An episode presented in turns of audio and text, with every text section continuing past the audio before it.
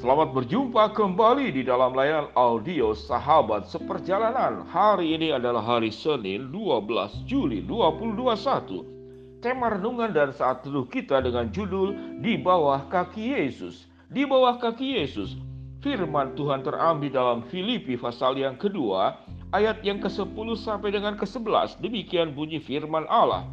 Sebab dalam nama Yesus bertekuk lutut segala yang ada di langit dan yang ada di bumi dan yang ada di bawah bumi dan segala lidah mengaku Yesus Kristus adalah Tuhan bagi kemuliaan Bapa. Mari kita berdoa.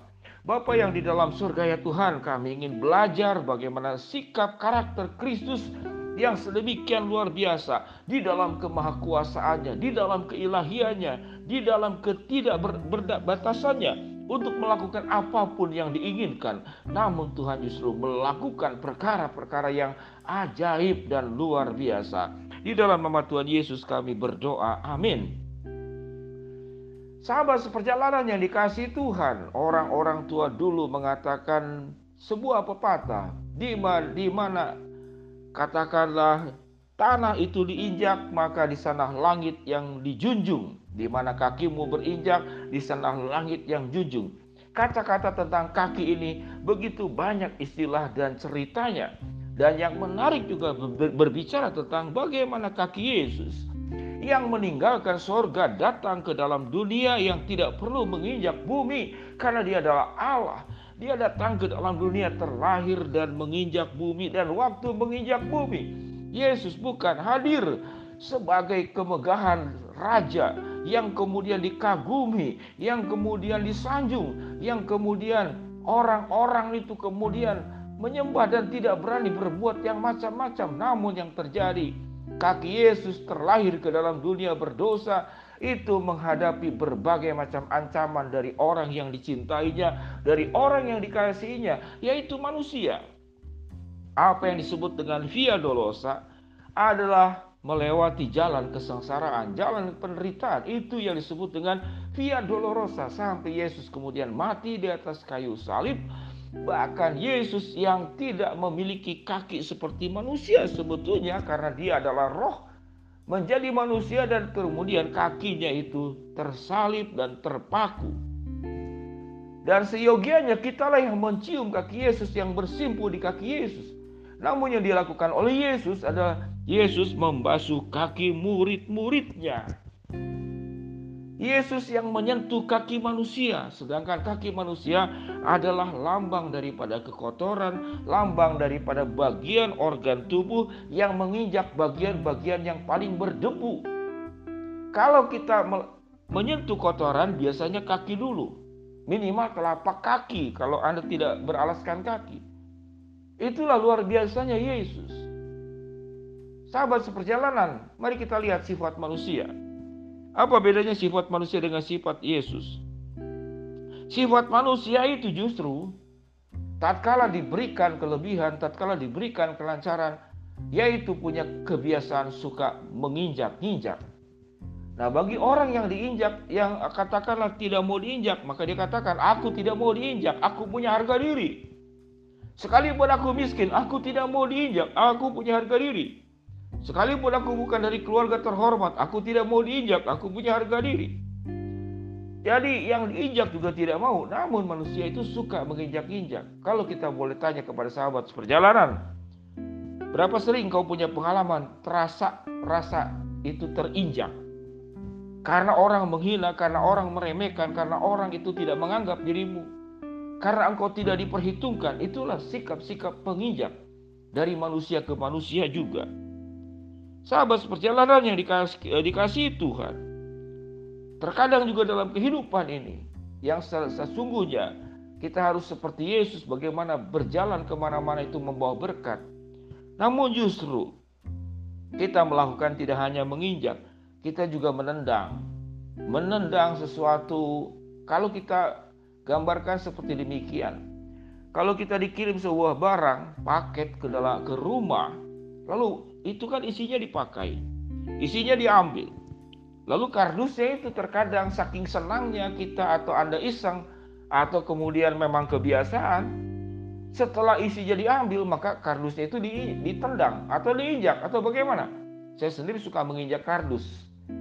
Kalau itu untuk dimasukkan ke dalam tempat sampah lalu untuk dibuang di dalam lingkungan rumah, maka kardus itu saya injak-injak dulu sampai kemudian lebih pipih supaya lebih mudah dimasukkan ke dalam kantong plastik sampah. Itulah kebiasaan kita. Kalau kita tidak menginjak, kita menendang. Kalau kita tidak menendang, ya kita menginjak. Atau kemudian kita suka berdiri katakanlah di dua kaki, di, di dua perahu yang berbeda. Ada sebuah istilah yaitu manusia itu suka berdiri di dua perahu yang berbeda. Satu kiri, satu kaki di sebelah perahu yang satunya, yang kanan di sebelah yang sebelahnya. Jadi artinya apa? Tidak ada kesetiaan di dalam hidup. Tidak ada kesetiaan di dalam hidup. Jadi kaki ini melambangkan keberdosaan yang luar biasa di dalam diri manusia. Kita tidak tahu sahabat seperjalanan. Kita ada di posisi mana sebagai orang-orang percaya. Kita ada di posisi mana? Sewaktu Tuhan memberikan kemampuan kepada kita bukan untuk menginjak-injak sahabat kita, menginjak-injak keluarga, menginjak orang lain, menginjak orang yang lemah, Alkitab mencatat di dalam Lukas pasal yang ke-10 ayat yang ke-9. 19 firman Tuhan berkata apa? Lihat aku memberi kepadamu kekuatan. Ini firman Tuhan berkata, aku memberikan kepadamu kekuatan untuk menginjak ular dan kalang jengking dan atas semua kekuatan musuh dan dengan cara apa pun tidak akan menyakitimu. Allah memberikan kekuatan kepada kita untuk menginjak ular dan kala jengking. Gambaran ular dan kala jengking itu bisa memang binatang ular dan kala jengking, namun juga bisa juga dalam artian menginjak-injak setan. Yang kita harus injak adalah setan, bukan sesama kita. Yang harus kita tendang adalah setan, bukan kemudian saudara kita. Saya sering mengajarkan anak sekolah minggu sebuah lagu Aku tendang dosaku dan buang ke laut Biur, buang ke laut Biur, buang ke laut. Aku injak dosaku dan buang ke laut Biur Nah anak-anak kan seperti itu Ya yang harus kita injak adalah dosa-dosa kita Yang harus kita injak adalah iblis dengan segala tipu dayanya Allah memanggil kita untuk melayani Dan firman Tuhan berkata apa? setelah Yesus membasuh murid-muridnya. Aku membasuh engkau supaya kamu berbuat yang sama. Dan ini adalah sebuah keteladanan. Sewaktu kita diberikan potensi, sewaktu kita diberikan kekuasaan, sewaktu kita diberikan kelancaran, sewaktu kita diberikan karunia apa pun oleh Tuhan. Ingat, di bawah kaki Yesus itu ada kasih Yesus yang luar biasa. Namun juga ada kekuasaan Allah yang luar biasa. Dalam Wahyu 10 ayat yang kedua dikatakan malaikat yang digambarkan juga adalah Tuhan. Malaikat atau Tuhan itu memegang sebuah kitab kecil terbuka. Lalu apa yang dikatakan? Dan ia menginjakan kaki kanannya di laut dan kaki kirinya di darat. Ia menginjakan kaki kanannya di laut dan kaki kirinya di darat. Gambaran Allah yang sangat luar biasa. Seberapa besar kakinya? satu di darat, satu di laut. Yesus yang menginjakkan dunia dengan cintanya dan kasihnya. Namun Yesus yang sama juga. Kakinya hadir itu dalam kekuasaannya. Sewaktu nanti datang kembali akan sebagai hakim. Sahabat seperjalanan yang dikasih Tuhan. Biarlah kita tidak sewenang-wenang tatkala diberikan kekuasaan. Jangan suka menginjak, jangan suka menendang. Jangan juga kemudian menginjak kaki dengan sebelah kiri yang berbeda, kanan di tempat yang berbeda. Ingat, Potensi yang Tuhan berikan kepada kita adalah untuk menginjak ular dan kalajengking, menginjak setan, menginjak dosa, menginjak-injak sesuatu yang buruk dan hidup di dalam kebenaran. Sahabat seperjalanan, mari kita berdoa. Bapak yang di dalam sorga ya Tuhan, hambamu berdoa ya Tuhan untuk sedemikian sahabat seperjalanan yang terkena COVID-19. Tuhan akan jamah, Tuhan akan sembuhkan. Hambamu berdoa juga ya Tuhan untuk persoalan-persoalan keluarga yang timbul Tuhan juga pulihkan rumah tangga-rumah tangga yang bermasalah. Hambamu juga berdoa untuk yang sedemikian banyak masalah kesulitan ekonomi. Tuhan bukakan jalan dan lancarkan. Kami serahkan doa-doa lain ke dalam tangan Tuhan. Di dalam nama Tuhan Yesus kami berdoa. Amin. Shalom sahabat seperjalanan. Di bawah kaki Yesus. Kita perlu bersimpuh berlutut di bawah kaki Yesus. untuk memuliakan Dia. Kaki kita adalah untuk menginjak, untuk menendang ular dan kalajengking, dosa dan iblis.